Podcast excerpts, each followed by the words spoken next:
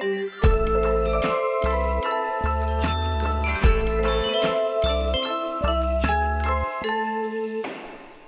og hjertelig velkommen til nok en episode av Takk og lov. En podkast for deg som vil skjønne litt mer av hvordan jussen, eller kanskje også juristene, egentlig henger sammen. Og som vi var inne på i forrige uke, jammen ser det ut til at det blir en slags jul i år også. Da er det jo om å gjøre å finne gaver som både driver verden og økonomien fremover, og likevel ikke ødelegger miljøet. Det er nettopp det vi gjerne vil gi akkurat deg, i form av en podkast julespesial. Og ingen hvilken som helst heller. Nei, en spesielt hyggelig en, som ikke bare ødelegger, men kanskje kan bidra til å bedre miljøet. I retten, iallfall. For dagens episode skal gi oss et lite innblikk i historier fra retten. Og da ikke de tørre og kjedelige som du frykter, nei, helst de som lyser opp i en våken dommer eller advokats ellers hverdagspregede hverdag. I denne episoden skal vi gå gjennom noen eksempler på hva man kanskje bør og ikke bør gjøre når man skal i retten. Og vi som skal gi dere dette, eh, vi må jo ville dere vel. Og i tillegg så må vi nesten ha en viss sans for humor. Eh, og vi, det er meg, Anine Kierulf, som dere iallfall kan le av. Eh, og dagens gjest, som mange av dere ville ha ledd godt med allerede, nemlig tingrettsdommer Kim Heger. Velkommen hit, Kim. Tusen takk. Takk for det. Veldig hyggelig å ha deg her. Eh, vi skal gi en kort biografi fra dem som ikke kjenner deg, eventuelt bare kjenner deg fra Twitter. Du har vært Vitas på strafferetten på Universitetet i Oslo. Du er cand.jur fra 1987. Så var du advokat i Vikborg og Rein. Så var du dommerfullmektig i Midt-Trøndelag herredsrett. Og så har du vært advokat, først i eh, mitt gamle advokatfirma Skjøtt, og så i Advokatfellesskapet Øvre Slottsgate. Og så, siden 2001, tingrettsdommer i Oslo tingrett. Og det er der kanskje vi kjenner deg litt fra, hvis, eh, hvis vi har fulgt med litt i mediene. Du har vært dommer i store, profilerte saker, som eh, saken mot uh, Eirik Jensen. Og i noen ikke fullt så store, men ganske profilerte likevel, som saken om ærekrenkelser mellom en YouTuber og en annen for noen år siden. Det er riktig. Eh, og noen veldig små og absolutt uprofilerte, som da jeg en gang prosederte på at en beruset ung mann som hadde dyttet bilen sin inne på en parkeringsplass, ikke hadde ført eller forsøkt å føre motorvogn i lovens forstand. Ja. og fikk medhold. Ja. og da visste jo ikke jeg noe annet enn deg, Kim, enn at du var en jeg ofte traff på ski i Jotunheimen. Men nå vet jeg litt mer, ikke minst i forlengelsen av det jeg nå straks skal avsløre som dagens uh, artig faktum. Vi prøver nemlig uh, alltid å hente frem en språkrådstilpasset fun fact om gjestene våre. Og artig faktumet om deg, Kim, det er kanskje ikke en overraskelse, jeg har jo foregrepet det litt allerede. Det er at du er den uh, mest aktive norske dommeren på Twitter. Her er eh, konkurransen ganske moderat, må vi innrømme, men eh, likevel. Eh, du er jo ikke der for å opplyse om de mest knirkete krokene av tvisteloven heller. Vi sitter altså her i dag med en dommer som rett og slett er særdeles morsom på Twitter. Og gode tunger har hvisket oss i øret at han kanskje er den ukronede Twitter-kongen. Yes, der kom det.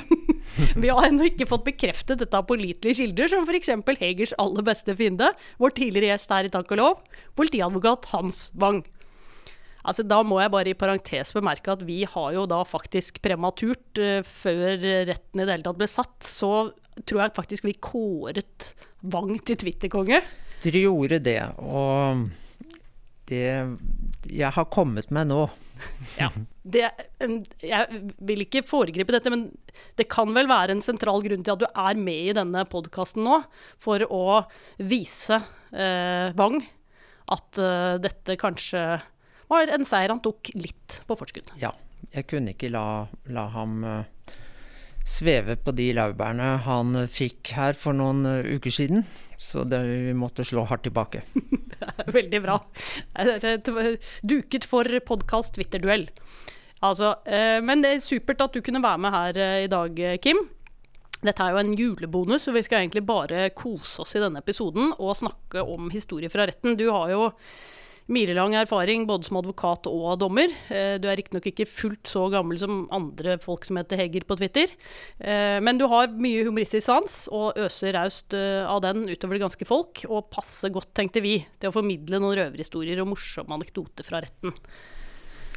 Ja, nå bygget du opp voldsomt forventningspress her. Ja, her, heretter kan det bare gå Ja, nedover. ja, heretter kan det bare gå nedover. Men det er jo riktig, jeg har, vært, øh, jeg har jo vært i tingretten nå i snart 20 år. Uh, og jeg tenkte på det da jeg ble invitert hit, at jeg er jo jeg, jeg er fremdeles ikke lei av å være dommer.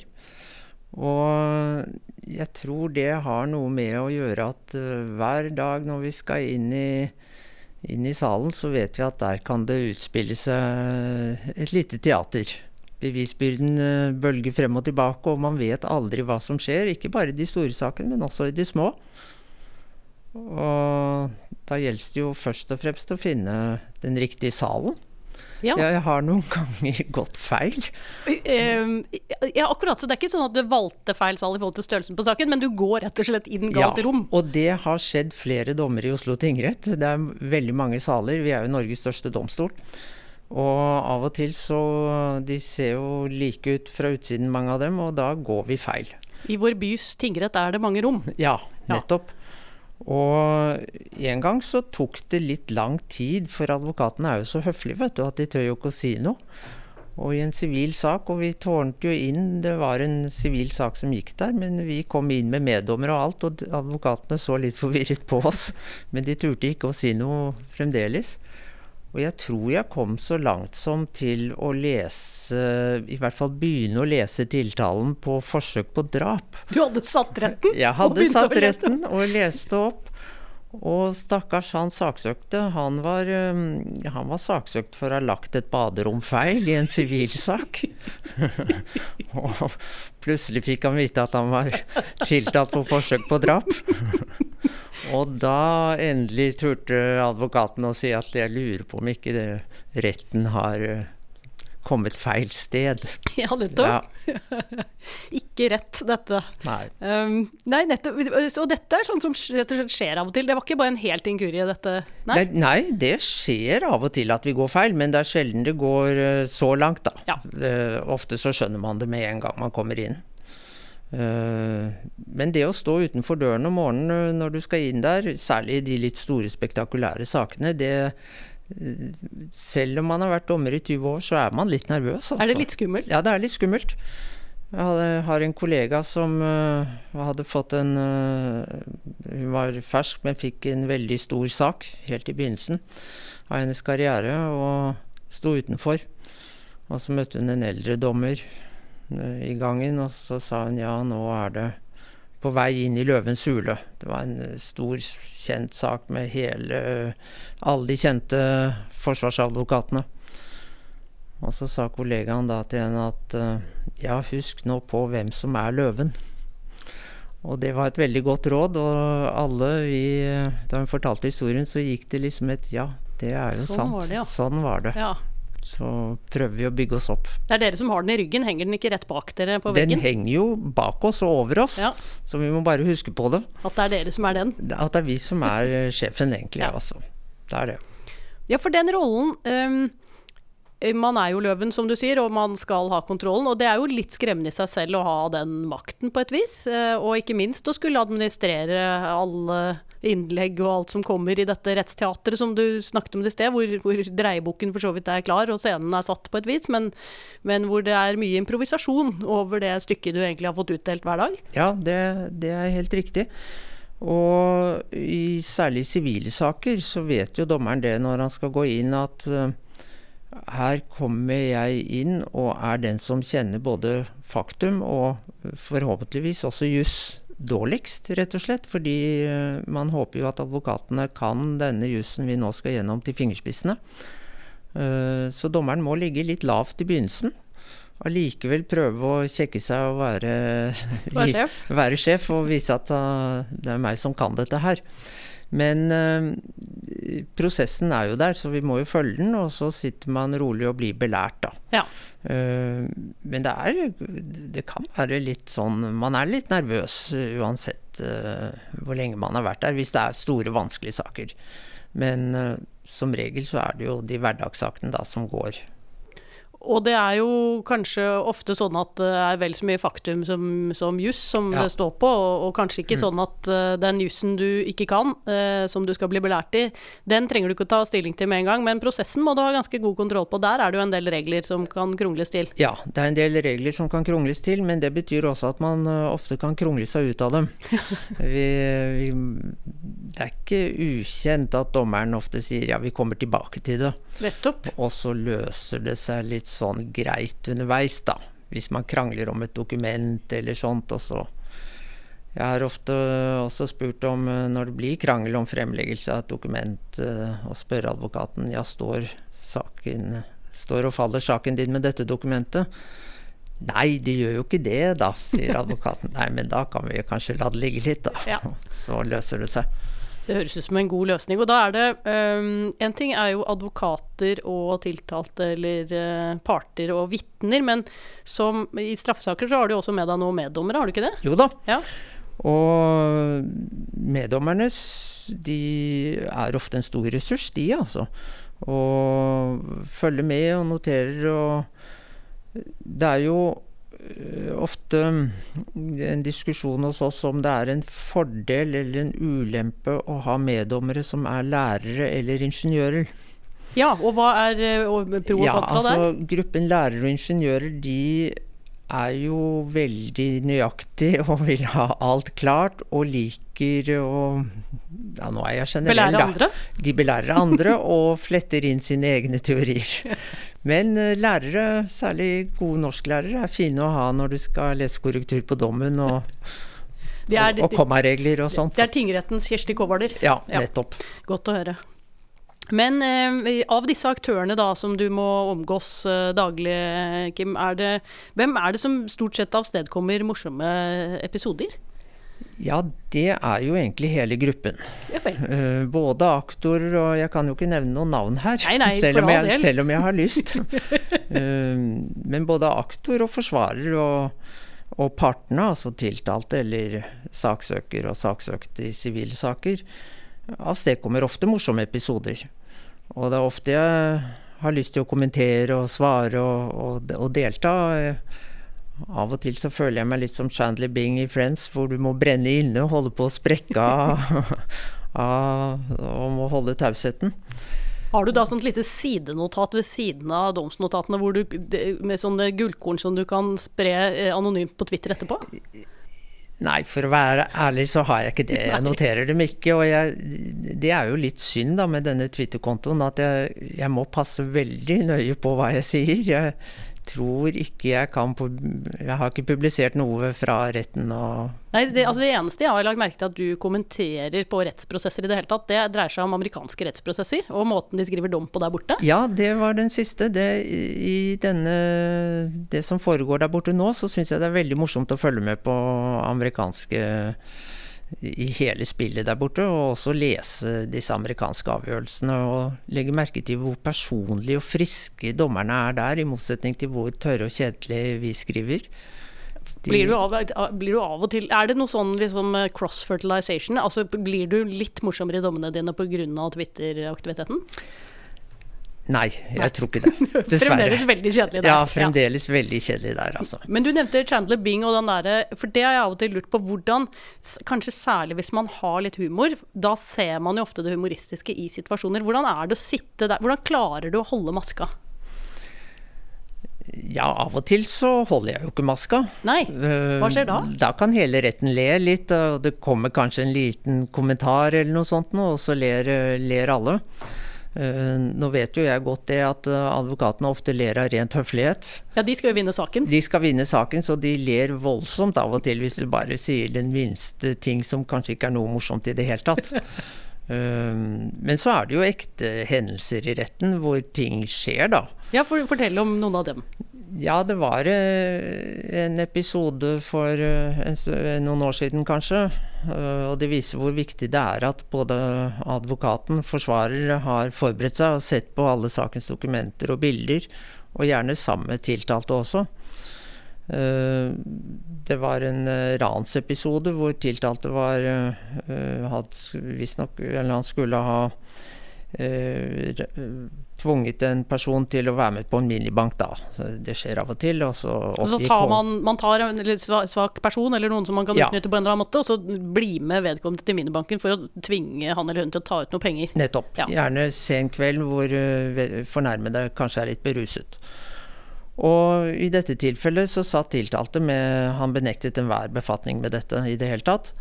Og aktor hadde kanskje ikke bygget opp bevisbildet så veldig godt. Vi var litt i tvil.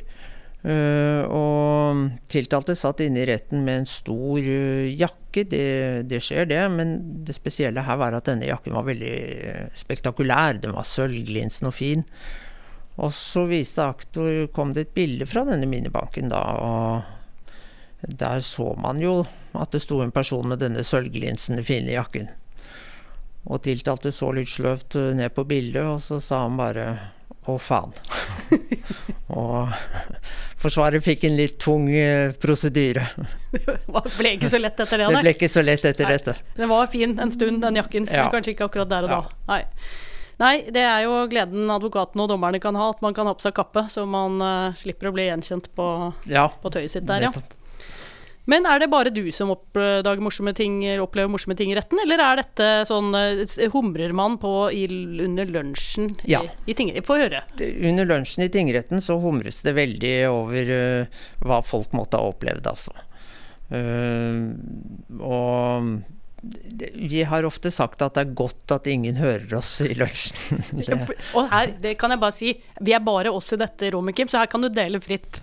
Ja, øh, ofte så er det jo advokatene som får gjennomgå, da. Det er jo det morsomste. Uh, og det kan være advokater som uh, er veldig flinke for så vidt i både innledningsforedrag og prosedyre, men så kommer det til eksaminasjonen hvor det kan gå litt galt. De følger ikke med f.eks. helt når vitnet svarer. Vitnet er litt på selvstyr. Og man svarer, man spør litt sånn sløvt ut i luften. Det var et vitne som hadde sagt at Uh, Temaet var, var du, Advokaten spurte var du alene i bilen da du kjørte. Og vitnet svarte ja. Ja, var det du som kjørte? spurte advokaten. ja, nettopp. Ja. ja. Og da er det jo fristende å spørre dommeren øh, at dommeren spør øh, følger du med, advokat. Ja, hvor, hvor, skal vi videre med dette? Ja, skal vi videre. Ja. Men, eh, For det er noen sånne feller akkurat når det gjelder sånn utspørring? Ja, det er det. Eksaminasjonen er jo noe av det vanskeligste. Og jeg syns ofte at der ser man en, hvordan den drevne advokat skiller seg fra den mer uerfarne advokat. Det er et eh, kjent eksempel eh, fra engelsk rett, den gang man fortsatt hadde dødsstraff i, i Storbritannia. Det ble vel avskaffet i 1964 eller noe sånt noe. Uh, og det brukes ofte som eksempel på det såkalte farlige spørsmål, altså når du bør slutte. Og det var en uh, spektakulær og stor drapssak, og det var veldig viktig for aktoratet å vise at uh, tiltalte hadde vært på en bestemt restaurant på et bestemt tidspunkt, og det kom en servitør som vitne her. Og mm, forsvarer i krysseksaminasjonen spurte da ja, du var på jobb den dagen. Ja, hvor mange er det innom restauranten? Ja, det er mange hundre. Har du vært på jobb uh, hver dag hele uken? Ja. Så det er altså mange hundre hver dag i hele uken. Og likevel så var du sikker på at du så vitnet. Eller så tiltalte. Ja, sa hun. Og her burde jo forsvarer ha stoppet. Ja. Alle skjønte at nå må du stoppe, og så bruke poengene dine i prosedyren. Men eh, nei da, han boret i vei og sa til slutt ja, hvordan kan du være så sikker? Og så svarte servitrisen, eller hun uh, vitnet, at jo, fordi han var så usedvanlig vakker. Og da var jo den setningen allerede plantet, selv om han kanskje ikke var så vakker. Så snudde hele juryen seg mot tiltalte og så at jo, han var selvfølgelig usedvanlig vakker. Og dermed så havnet han i galgen, rett og slett. Og det er en sann historie. Ja, så han hadde utseendet med seg, og det ble hans bane? Det ble hans bane. Ja.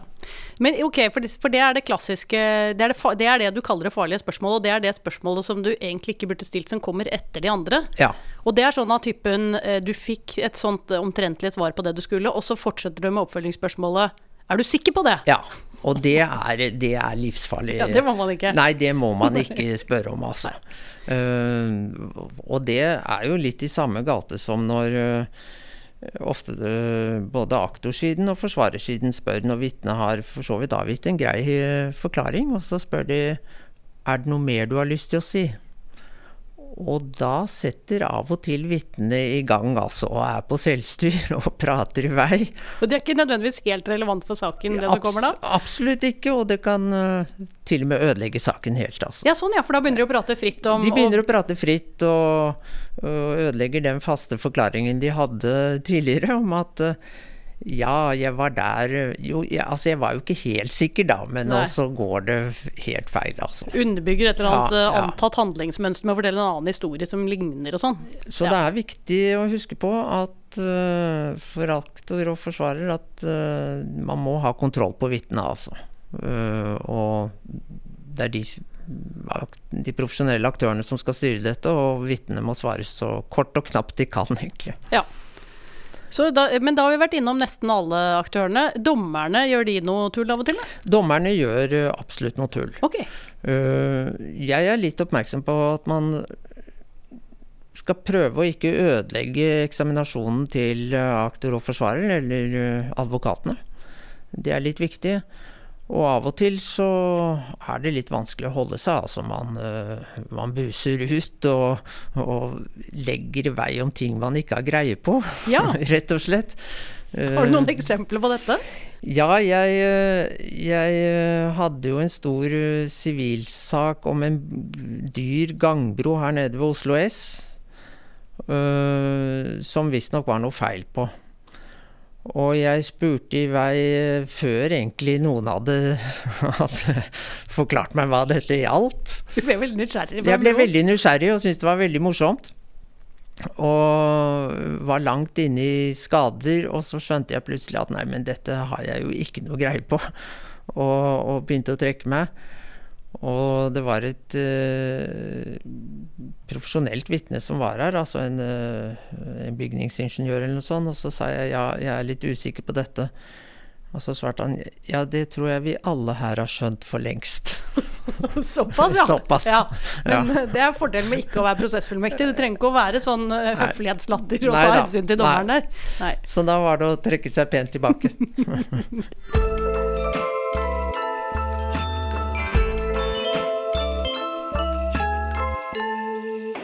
Ho, ho, ho! Dette er Jussnissen som ønsker deg velkommen til del to av podkasten Takk og lov julespesial. Og jeg sitter her sammen med Sturla. Ja, og da får jeg nesten avsløre, avsløre da, at uh, Jussnissen det er jo deg, det er Torbjørn fra Juristenes Utdanningssenter. Har du pyntet til jul uh, i lokalene ennå? Jeg har pynta til jul, jeg har satt på ribba, det er grøt på bordet, nissene danser. Og dessverre er alle på hjemmekontor, men det er det vel kanskje hos deg også? Ja, det stemmer det, så det er nok litt uh, lite julepynt i universitetsforlaget. Men for å dekke opp for det, så har vi jo tatt med noen digitale julegaver til denne episoden. Absolutt. Så skal vi si noe mer om dagens episode, Torbjørn? Ja, det syns jeg. Dette var kjempegøyalt. Altså en fin og hyggelig juleepisode som vi håper gir lytterne noe å more seg over, og kanskje også noe til ettertanke. Så Sturla, starter med deg. Hva har dere å by på av litteratur på dette området her? Jo, vi har noe god litteratur å, å, å presentere. Fordi det å forkludre det i retten, det er jo kimen eh, til en god historie, som vi har hørt. Eh, men det er kanskje ikke like morsomt å, å være i historien når det skjer. Eh, og Derfor har jeg med noen gode tips til hva man kan lese for å lykkes i retten. Ja. I Universitetsforlagets digitalbibliotek Juridika mm. har vi bl.a. en håndbok som er et krasjkurs i sakførsel. Uh, og den heter 'Ærede rett', uh, som er den formen man tiltaler retten når en rettssak uh, åpner. Mm. den er skrevet av Ola Nisja, Christian Reusch og And Kåre Shetley. Eh, og disse forfatterne kom faktisk med en ny bok eh, til våren eh, som heter 'Småkravsprosess'. Eh, som er også en praktisk håndbok eh, i saker hvor tvistesummen bare er på en kvart million. Eh, så da er det jo en prosess for det som avviker litt fra den vanlige prosessen. Så mm. hvis du gir deg selv en ordentlig julegave, forbered deg litt ekstra til neste gang retten samles, så abonnerer du på juridika.no. For der får du alt det juridiske materialet du trenger eh, og det er oppdatert, eh, og det er nedlastbart. Ja, jeg vil gjerne opplyse lytterne om vårt e-kurs i advokatetikk, slik at de som hører på ikke går på de samme blemmene, sånn som vi har hørt om i dag, Sturla. Mm. Av andre spennende kurs så har vi et webinar i argumentasjon og prosedyreteknikk i mai. Og våre populære kurs i ankeforberedelser og prosedyre for Høyesterett i både straffesaker og i sivilsaker går i april måned. Men innen vi takker for oss, Stulla, og ønsker lytterne en riktig god jul, så må jeg også få lov til å nevne vårt digitale abonnement, med adgang til over 50 e-kurs og mange flere som kommer ut over våren. Gå inn på juss.no og sjekk dette ut. Ja, det syns jeg de skal gjøre. Eh, Det er jo en skikkelig julegave å, få tilgang der. Eh, Og da gjenstår det vel egentlig bare for oss å si takk for i år, Torbjørn. Og ikke Mm. minst, vi høres jo til en splitter ny podkastsesong neste år. Jammen gjør vi ikke det. Ja. Vi gleder oss. Det gleder vi oss ordentlig til. Og i mellomtiden, god jul alle sammen. God jul og på gjenhør.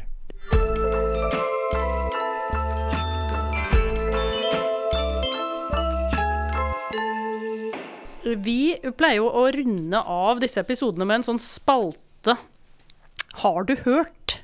Hvor eh, den som har vært gjest i episoden, deler en artig historie fra retten. Nå har jo du i grunnen ikke gjort annet enn å dele artige historier fra retten. Um, men, men eh, vi vil jo nødig frata deg sjansen til å delta i denne spalten også, så, for da kunne jo Hans Wang få en på deg, på en måte. Ja, Ja. han kunne jo det, og det er jo det verste. Eh, ja, det var uh, Den er lånt fra en kollega som opplevde det nylig, nylig i Oslo tingrett. Uh, og det var en liten hendelse, men den var ganske morsom, egentlig, i hvert fall for ham. Fordi han var en tiltalt som var tiltalt for å ha rotet med Nav. svindlet med noen Nav-greier, da. Og hans forklaring var at Nei, du skjønner det at jeg har gått på Steinerskolen? Er ikke det en slags generalforklaring? Jo, Ja. ofte så er det det. Uh, men uh, den holdt jo ikke, da. Og også folk på Steinerskolen kan klare å forholde seg til Nav. Eh, men så var det lunsj, og dommerne hadde oppgitt når man skulle være tilbake fra lunsj. Men så kom ikke aktor. Og hun kom egentlig altfor sent. Og så bare kom hun inn i salen og sa at eh, unnskyld, jeg misforsto. Du skjønner, jeg har gått på Steinerskolen. Aktor sa! Ja. Dette er jo fantastisk. Og dommeren svarte at ja, da er alt klart. Ja, men da faller denne saken på plass. Da faller den saken på plass. Ja, det er strålende. Har du noen flere historier, Kim, som du vil dele med oss? Ja, det var eh, en annen historie hvor eh, eh, det var en såkalt taggersak som det var en god del av før. Det er jo skadeverk. Og tiltalte sa at eh, nei, det er ikke meg, det er ikke min signatur, og jeg har ikke hatt noe med dette å gjøre i det hele tatt. Og så var det lunsj, og tiltalte ble brakt ned i ventecellen i Oslo tingrett. Og etter lunsj så kom uh, arrestforvareren løpende opp og sa at hele cellen er tagget ned. og det var bare tiltalt som hadde vært der, og da hadde han skrevet sin signatur over hele cellen. Og den var sammenfallende Og det med var sammenfallende med bildene fra taggingen rundt omkring i Oslo by. Ja, men de hadde ingen vitner. De hadde ingen vitner, men det var bare tiltalte som var i den ventecellen. Og ja, han ble nå dømt for det, da. Veldig bra. Flere? Ja, det var en eh, episode som skjedde for ikke så lenge siden med en kollega på tinghuset, hvor eh, tiltalte nektet å møte. Eh, hvis han ikke fikk møte naken. Ja vel. Han, ja, sa dommeren, det går jo ikke da. Og han Det er Habeas corpus, liksom. ja, rett og slett, som det heter. Så han fulgte den gode gamle regelen. Og, men i hvert fall så kom han opp, og da kom han opp i underbuksen. Og sto der, og var villig til å forklare seg og gjennomføre hele for- hovedforhandlingen, han, med en fin forklaring og i underbuksen. Ja. Uh, men så sa dommeren at dette tror jeg ikke går. Uh, du kan uh, Vi kan finne noen klær til deg. Dessverre, det eneste han fant var en kappe. Satt og forklarte seg i kappe med sånn og så tenkte dommeren, kan han egentlig, går dette an egentlig? Så nei, det går ikke an. Og så ble det avlyst hele hovedforhandlingen, og så fant man noen klær, og så var han villig til å møte allikevel, da. Men hva, det kom ikke helt frem hva grunnlaget for dette var. Var det liksom transparens i retten, eller var det Nei, eh, Åpenhet? det, det var vel at han eh, ville vise, markere seg på et eller annet vis. Nydelig. Tusen takk skal du ha, Kim. Eh, Da gjenstår det i grunnen bare for meg å si tusen takk eh, for at du kom, og for at du ville være med i denne hyggelige førjulssamtalen eh, eh, om og med rettens røvere. Det var hyggelig å være her. Eh, Jeg tenkte, siden vi har litt tid helt til slutt, og, og nå er det jo sånn eh, Det blir kanskje ikke så mange sånne nisser med sånne father jokes eh, i år pga. smitteverntiltak, så skal vi lese opp noen sånne flere replikkvekslinger fra retten som eh, kan ha funnet sted, eller kanskje ikke har funnet sted, det vet jeg ikke. Men da har vi da lagt inn et lite koronatiltak. Eh, Istedenfor å invitere inn et stort live-publikum til å le av disse vitsene, så så har vi Så jeg eh, eh, skal si nå Du, eh, produsent Andreas, eh, hadde vært veldig fint om du kan legge på sånn bokselatter når jeg eh, leser disse vitsene nå. For eh, en ekstra bonus med det er jo at jeg kan komme til å føle meg morsom når jeg hører på denne episoden etterpå, fordi det endelig er noen som ler av det jeg sier. Så da prøver jeg det. Og det går som følger. Advokaten kolon. Når har du bursdag? Vitne kolon. 15. juli. Advokaten kolon. Hvilket år? Vitne kolon. Hvert år.